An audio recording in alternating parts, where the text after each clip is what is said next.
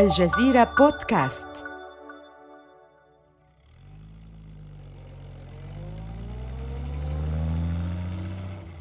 أغسطس عام 1936 قبل اندلاع الحرب العالمية الثانية بثلاثة أعوام.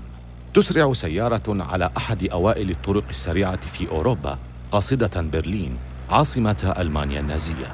يقود السيارة شاب يدعى أدولف داسلر. ويعرف بين عائلته وأصدقائه باسم أدي يبدو داسلر البالغ من العمر 36 عاماً وسيماً كنجوم السينما وهو يقود سيارة مكشوفة والهواء يداعب شعره البني المجعد. نشأ آدي ابناً لأبوين يعملان في الخياطة وغسيل الملابس في مدينة صناعية بولاية بافاريا الألمانية. كان والده خياطاً بارعاً أما أمه فكانت هي من تدير مغسلة الملابس. وعندما غدا مراهقاً تلقى تدريباً لكي يعمل مساعد خباز لكنه وجد نفسه على الجبهة يقاتل الفرنسيين في الحرب العالمية الأولى. وهناك شهد طرقاً مروعة للموت والنجاة. لا يزال يعاني آثار الصدمة من كل ما رآه في الحرب لكنه كان عازماً بعد عودته من هناك على ترك كل ذلك خلف ظهره. والانغماس في شيء يبذل فيه كل طاقته ويشغل به تفكيره. إنه ممتلئ بالطموح وقريبا يبدأ مع أخيه رودي تأسيس شركتيهما الخاصة للأحذية. سيطلقان عليها اسم جبرودر داسلر والتي تعني في الألمانية الأخوان داسلر. بدأ الشركة من داخل مغسلة أمهما وتعلما مهارات الخياطة اللازمة من أبيهما. كان الحصول على المواد الخام عالية الجودة صعبا في فترة ما بعد الحرب. لذا بحث آدي ورودي في البداية في مخلفات الحرب عما يمكنهما الانتفاع به. مظلات قديمة أو خوذات تالفة وبالطبع عن أي شيء مصنوع من الجلد. ولتقطيع الجلد قام آدي بتركيب نصل حاد على دراجة هوائية وكلما أدار البدالات تحول النصل إلى آلة للقطع. إنها عملية تبدو بسيطة وفوضوية. نتجت من توليف بعض قطع الغيار القديمة معا بإبداع. لا يوحي مظهرها ابدا بأن حجم هذا المشروع سيتجاوز المليارات في أحد الأيام. كانت الأحذية التي أنتجها هذا المصنع الصغير في بافاريا قوية ومتينة. إنها أفضل بكثير من الأحذية الرياضية الأخرى والتي تتآكل بعد أشهر قليلة من ارتدائها. لاحقا يعمل الأخوان داسلر مع قائد منتخب ألمانيا الوطني لسباقات العدو جوزيف ويتسر على خط لإنتاج أحذية العدو. كان التوقيت مناسبا لمشروعهما.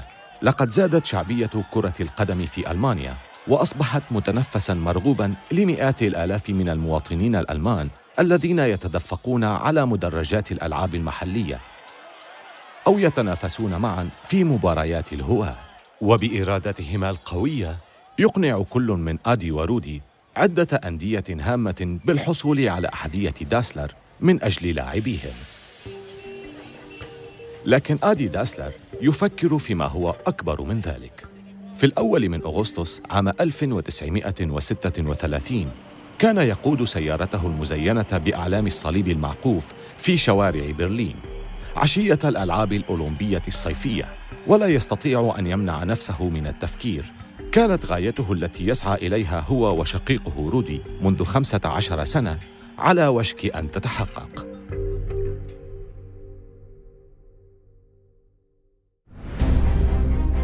من الجزيرة بودكاست بالتعاون مع وونري. هذا بودكاست حروب الأعمال.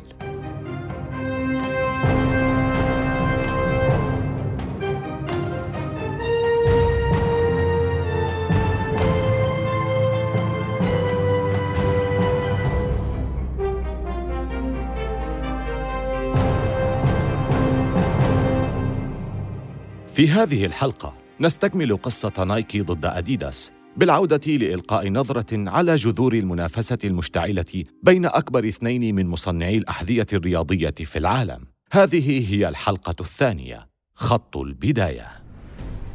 على الرغم من أنهما اثنتان من أكثر الماركات العالمية شهرة اليوم، فإن عقودا من الزمن وآلاف الأميال تفصل بدايتي كل من نايكي وأديداس بقدر المسافة من ألمانيا وحتى ولاية أوريغون في غرب الولايات المتحدة.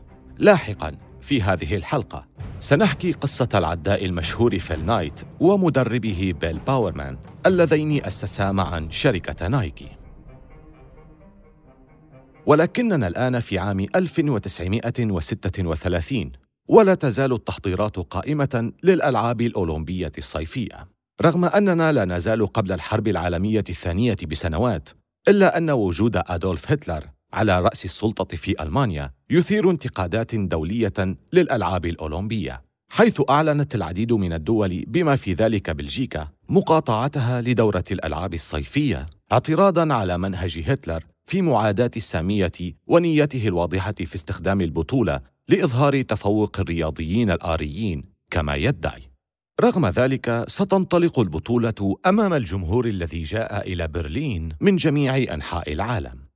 كان آدي عازما على ألا يشاهد الجمهور الرياضيين فحسب بل يريدهم أن يشاهدوا أيضا أفضل الأحذية الرياضية التي يمكن الحصول عليها وعليها شعار صنع في ألمانيا بالطبع.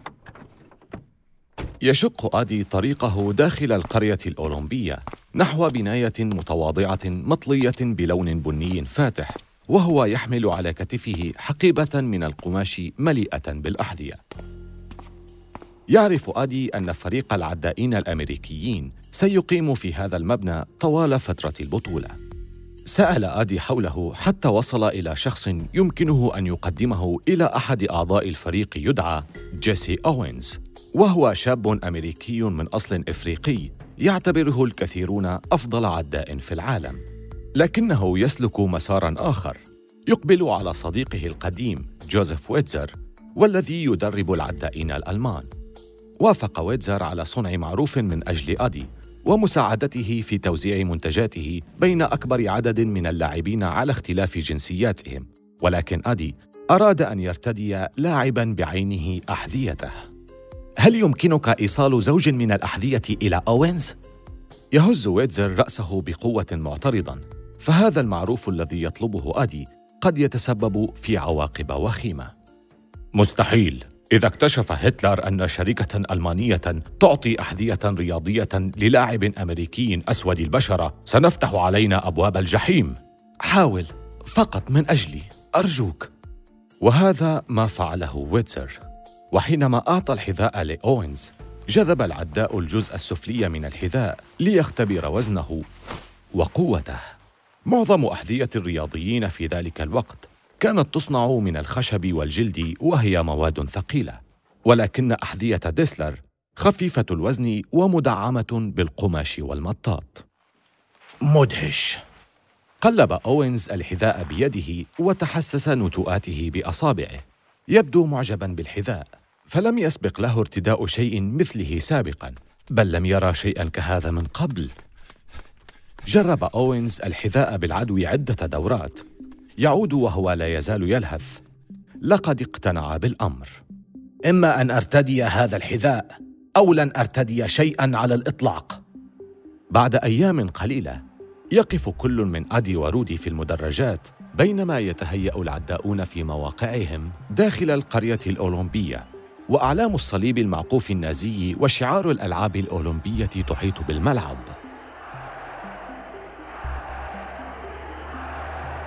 وصل هتلر واقفا في سيارته الليموزين تهتف له الجماهير ويتبعه موكب طويل من السيارات.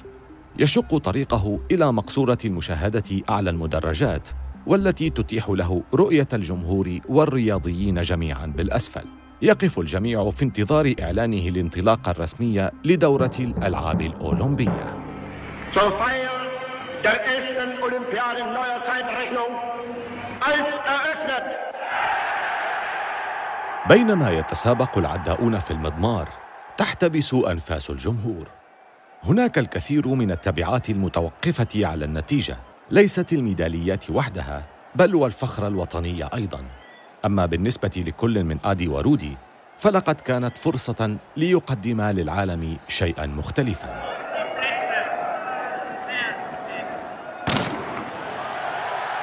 فاز أوينز بميدالية ذهبية ثم ثانية ثم الثالثة والرابعة. ينفجر الحشد بالهتافات. رجل أمريكي من أصول إفريقية يتفوق على الآريين الألمان في عقر دار هتلر نفسه. إنه إنجاز سيتجاوز الزمن. وأوينز يحقق كل ذلك بزوج من الأحذية التي صنعها الأخوان ديسلر بعد أسابيع قليلة يتلقى آدي برقية شكر مكتوبة بخط اليد من أوينز الذي أصبح أشهر عداء في العالم. في أعقاب أولمبياد 1936 شركة داسلر والتي ستعرف لاحقاً باسم أديداس تزدهر بسرعة. الاقتصاد الألماني مزدهر وبحلول عام 1939 عشية الحرب العالمية الثانية تنشئ الشركة مصنعاً كبيراً آخر في بافاريا لتلبية الطلب المتزايد على أحذية الأخوين داسلر. إنه الوقت المناسب لكي يجني الأخوان ثمرة نجاحهما الجديد، لكن رودي وآدي وعلى عادة الإخوة في كل مكان اشتبكا مراراً. كان آدي أكثر عملية وأكثر اهتماماً بابتكار تصاميم جديدة، أما رودي فكان نشيطاً ومتحركاً وكان يكره زوجة آدي الشابة كاث لتجرؤها على التدخل في شؤون الشركة. في رسالة إلى أحد أصدقائه، يتذكر رودي كم كان مقربا من أخيه قبل مجيء زوجته كاث. علاقتي بأخي بين عامي 1924 و 1933 كانت مثالية، ثم جاءت زوجته التي لا تتجاوز السادسة عشرة من العمر وبلا أي خبرة لتعتقد أن بإمكانها الإدلاء برأيها في أمور العمل. كان صراع القوى بين آدي ورودي وزوجة آدي يتسارع في نفس الوقت الذي تخطو فيه ألمانيا نحو الحرب.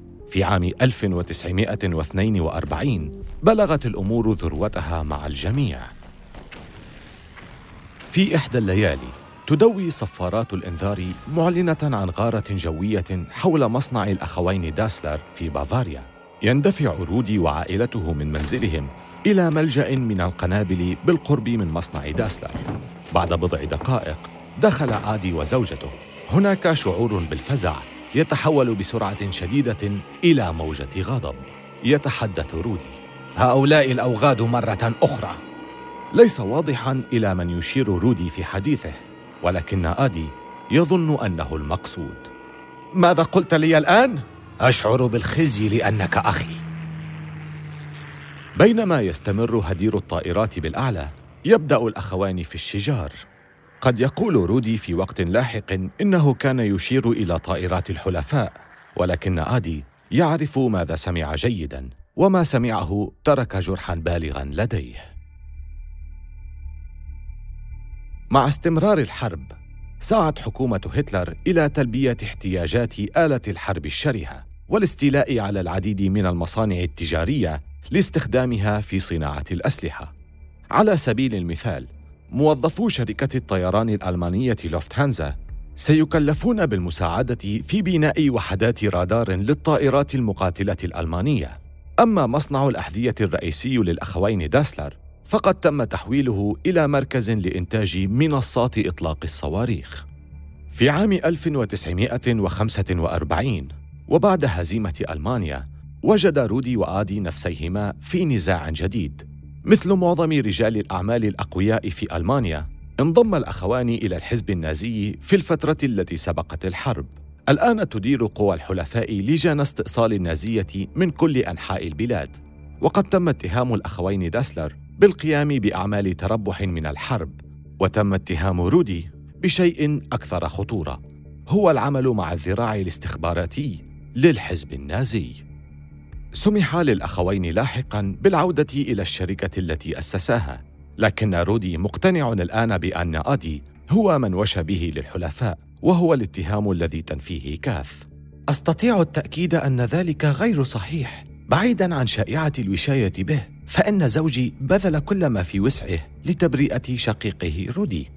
حتى مع إعادة بناء ألمانيا تدريجياً واستئناف حركة البيع والشراء تزيد الجفوة بين الأخوين أكثر فأكثر. لن يتصالحا أبداً. في عام 1947 ومن رماد شركة جبرودر داسلر القديمة أنشأ رودي شركته الخاصة التي ستصبح فيما بعد ثالث أكبر شركة أحذية رياضية في العالم تحمل اسم شركة بوما. بدأ آدي داسلر أيضاً تأسيس شركة أخرى تدمج بين اسمه الأول والأخير آدي داس أو كما ستصبح معروفة أكثر خارج ألمانيا أديداس. سمح للموظفين السابقين لشركة جبرودر داسلر باختيار الأخ الذي يرغبون في العمل معه. قرر موظفو المبيعات للشركة القديمة اتباع رودي بينما ذهب الحرفيون والمصممون إلى آدي. كان رودي يمثل دائما العقلية التجارية للأخوين ولكن بعد وقت قصير من تأسيس أديداس كان لدى آدي فكرة ستحدد هوية شركته لعقود تالية لما لا؟ يتساءل لما لا يزين كل زوج من أحذية أديداس بثلاثة خطوط بيضاء؟ سيكون هذا هو شعار الشركة الخطوط الثلاثة بسيطة ومؤثرة ولا تنسى إنها تحول كل منتج من منتجات أديداس إلى لوحة إعلانات خاصة. مع ازدهار كل من بوما وأديداس تكون صدع جديد في مسقط رأس الأخوين داسلر حيث تهيمن الآن تجارة الأحذية الرياضية على الاقتصاد. يقسم هذا الصدع الأحياء والمقاطعات بل وحتى العائلات مع اختيار الشركة التي ستعمل بها.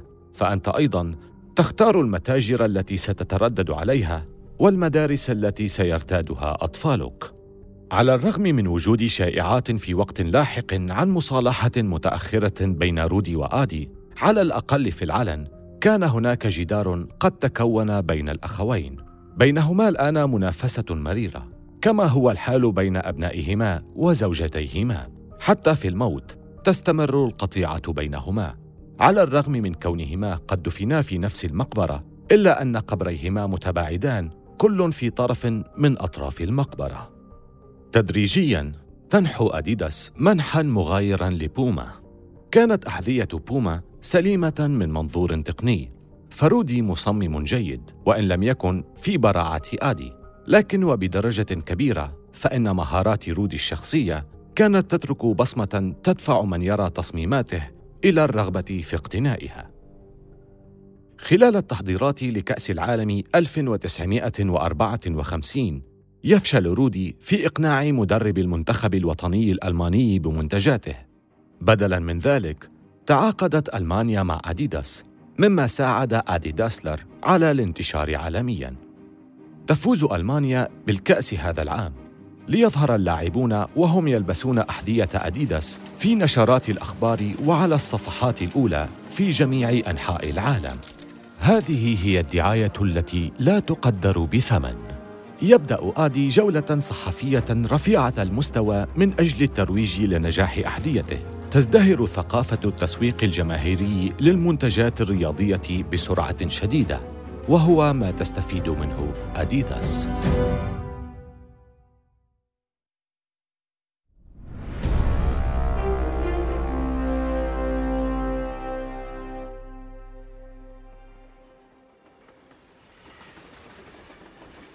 لنقفز الآن إلى نوفمبر عام 1962 وعلى بعد آلاف الأميال. يشق قطار طريقه عبر الريف الياباني متجها إلى مدينة كوبي يلمع على النوافذ الزجاجية. انعكاس الطبيعة بأشجار احمرت أوراقها مع الخريف. في إحدى عربات القطار جلس عداء سابق مشهور بجسده النحيل وشعره الأشقر المتناثر. اسمه فيل نايت. كان فيل مثل آدي داسلر مهووسا بالأحذية وكان يعلم جيدا مدى أهمية التكنولوجيا وتأثيرها على أقدام العداء وأدائه العام. ومع حصوله مؤخرا على دبلوم من كلية الدراسات العليا في إدارة الأعمال من جامعة ستانفورد فإن نايت كانت لديه فكرة جيدة عن الإمكانيات المتاحة في سوق الأحذية الرياضية الأمريكية. ومثل ما اكتشف نايت خلال دراسته في ستانفورد كانت هذه السوق جاهزة لإحداث خلخلة فيها. كانت الرياضات الجماهيرية مزدهرة والصفقات الناجحة تكبر وتكبر. لكن العلامة التجارية الوحيدة التي حافظت على نجاح مضطرد في الولايات المتحدة كانت شركة ألمانية تدعى أديداس. لماذا لا يحاول خلخلة استقرار الأمور قليلاً؟ لماذا لا توجد شركة أمريكية يمكنها سحب البساط من تحت قدم أديداس المهيمنة على السوق؟ قبل بضعة أيام وبعد هبوطه إلى اليابان اتصل نايت بشركة أحذية شهيرة تسمى أونيتسكا تايجر والتي تصنع الأحذية الرياضية التي يرتديها الشباب العصري في البلاد لاحقاً سيصبح فيل نايت غنياً ومشهوراً عن طريق تسويق علامته التجارية الخاصة بالأحذية الرياضية ولكنه الآن يعتقد أن بإمكانه جني الأموال عبر جلب أونيتسكا تايجر إلى الولايات المتحدة. وقد فاجأته موافقة المديرين التنفيذيين في أونيتسكا على استقباله. وهذا هو السبب وراء ركوبه القطار إلى كوبي. يجد نايت غرفة في فندق منخفض التكلفة وفي الصباح التالي يشق طريقه إلى مصنع أونيتسكا. يبدو متوترا إذا جاز التعبير. إنه بالكاد يعرف أبجديات السوق كما أنه يفتقر إلى شيء آخر أيضا المال. عندما يصل نايت إلى مصنع أونيتسكا في كوبي يصحبه المديرون التنفيذيون في جولة قصيرة قبل قيادته إلى غرفة الاجتماعات. قبل وصوله كان نايت يتدرب على هذا المشهد في خياله مرارا وتكرارا. بنفس الطريقة التي اعتاد بها أن يتدرب على سباقاته كعداء. في غرفة المؤتمرات جلس المديرون التنفيذيون في صف منظم أمامه ثم بدأت الأسئلة. سيد نايت ما الشركة التي تمثلها؟ آه نعم إنه سؤال جيد. على الرغم من استعداده لكل استفسار متوقع حول خطة عمله فقد أهمل التفكير في أكثر شيء أساسي. يفكر نايت بأقصى سرعة يستذكر جوائزه خلال أيام نشاطه كلاعب. وينطق بأول شيء تبادر إلى ذهنه. اسم شركتي Blue Ribbon Sports في بورتلاند، أوريغون إنه يعرف جيدا أنه اسم طويل ولن يستخدمه أحد على الإطلاق ولكن بمجرد رؤيته المديرين التنفيذيين يهزون رؤوسهم بالموافقة شعر أكثر بالثقة واستعرض خطته. أيها السادة إن سوق الأحذية الأمريكية ضخمة وغير مستغلة إلى حد كبير إذا تمكنت أونيتسكا من جلب منتجاتها إلى المتاجر الأمريكية وتقديم أسعار تنافس شركة أديداس التي يفضلها معظم الرياضيين الأمريكيين الآن فقد تكون صفقة مربحة للغاية. يشرح نايت أنه بصفته عداء سابقا مشهورا ببطولاته فإنه الشخص المثالي لمساعدة الشركة على الوصول إلى السوق الأمريكية. إنه يعرف مواصفات الحذاء الجيد والأهم من ذلك وبفضل أيامه في ستانفورد فإنه يعرف أيضا ما هو المنتج الذي سيحقق ربحا جيدا.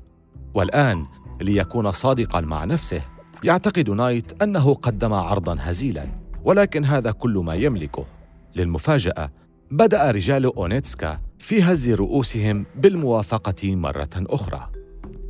سيد نايت لقد كنا نفكر في دخول السوق الأمريكية منذ فترة طويلة.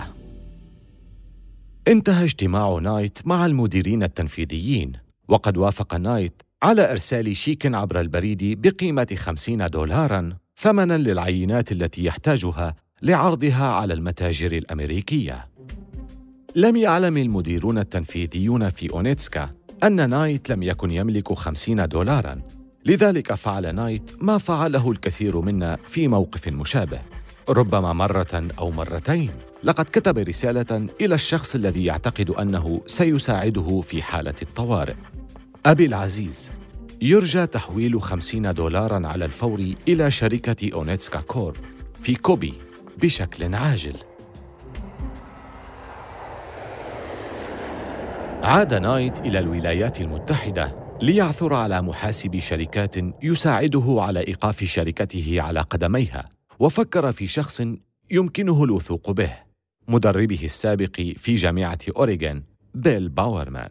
في ولاية أوريغون كان باورمان مشهورا بهوسه بمعدات العدو والجوانب التقنية في مضمار السباق. وكان نايت مقتنعا بصديقه كمساعد له حين يبدأ الاثنان استيراد منتجات أونيتسكا تايجرز ربما لم تكن المحاسبة إحدى مواهب باورمان القوية، ولكن نايت كان مقتنعا بأنه أفضل شخص لمساعدته على إطلاق الشركة. بالنسبة للأرباح، لقد قررا تأجيل القلق بشأن الأرقام إلى الوقت المناسب. لقد اكتشفا أنهما لن يحتاجا إلى الآلات الحاسبة في البداية، فشركة بلو ريبن سبورتس ليست الشركة ذات الأرباح الهائلة بالطبع. في عامها الأول، باعت الشركة نحو 1300 زوج من الأحذية بقيمة بلغت ثمانية آلاف دولار فقط ولكن في العام التالي بلغ إجمالي الأرباح عشرين ألف دولار وهو ما يكفي لتعيين موظف بدوام كامل للمساعدة في التوزيع في تلك الأثناء بدأ باورمان في القيام بأفضل ما يجيده الابتكار ابتكار تصميمات جديدة. يقضي باورمان وقتا طويلا في العبث داخل المطبخ بجهاز تحضير الوافل الخاص بزوجته وهو يتأمل شكله. فكر باورمان في استخدامه كقالب للمطاط. ووضع المطاط بعد ذلك أسفل حذاء العدو. لم يكتب لجهاز الوافل النجاة من أثار لحظة الاكتشاف المهمة هذه. ولكن نعل الحذاء الذي نتج عن ذلك سيعيش إلى الأبد. في عام 1971 تسلح باورمان ونايت بمجموعة من المخططات أنهيا العلاقة مع أونيتسكا ليبدأ تأسيس شركتهما الخاصة. وبالنسبة للشعار قاما باختيار علامة منمقة صممها طالب شاب في جامعة بورتلاند حيث كان نايت يحاضر بدوام جزئي. إن لديهما الآن شعاراً سيعرف باسم سووش أو علامة نايكي. ولاختيار الاسم سوف يستلهمان واحدا من آلهة السرعة عند الإغريق نايكي. أما عن هدفهما فقد كان لديهما هدف واحد فقط. التغلب على شركة الأحذية التي بدأت في بافاريا من عقود والتي كانت حتى هذه اللحظة مسيطرة على السوق الأمريكية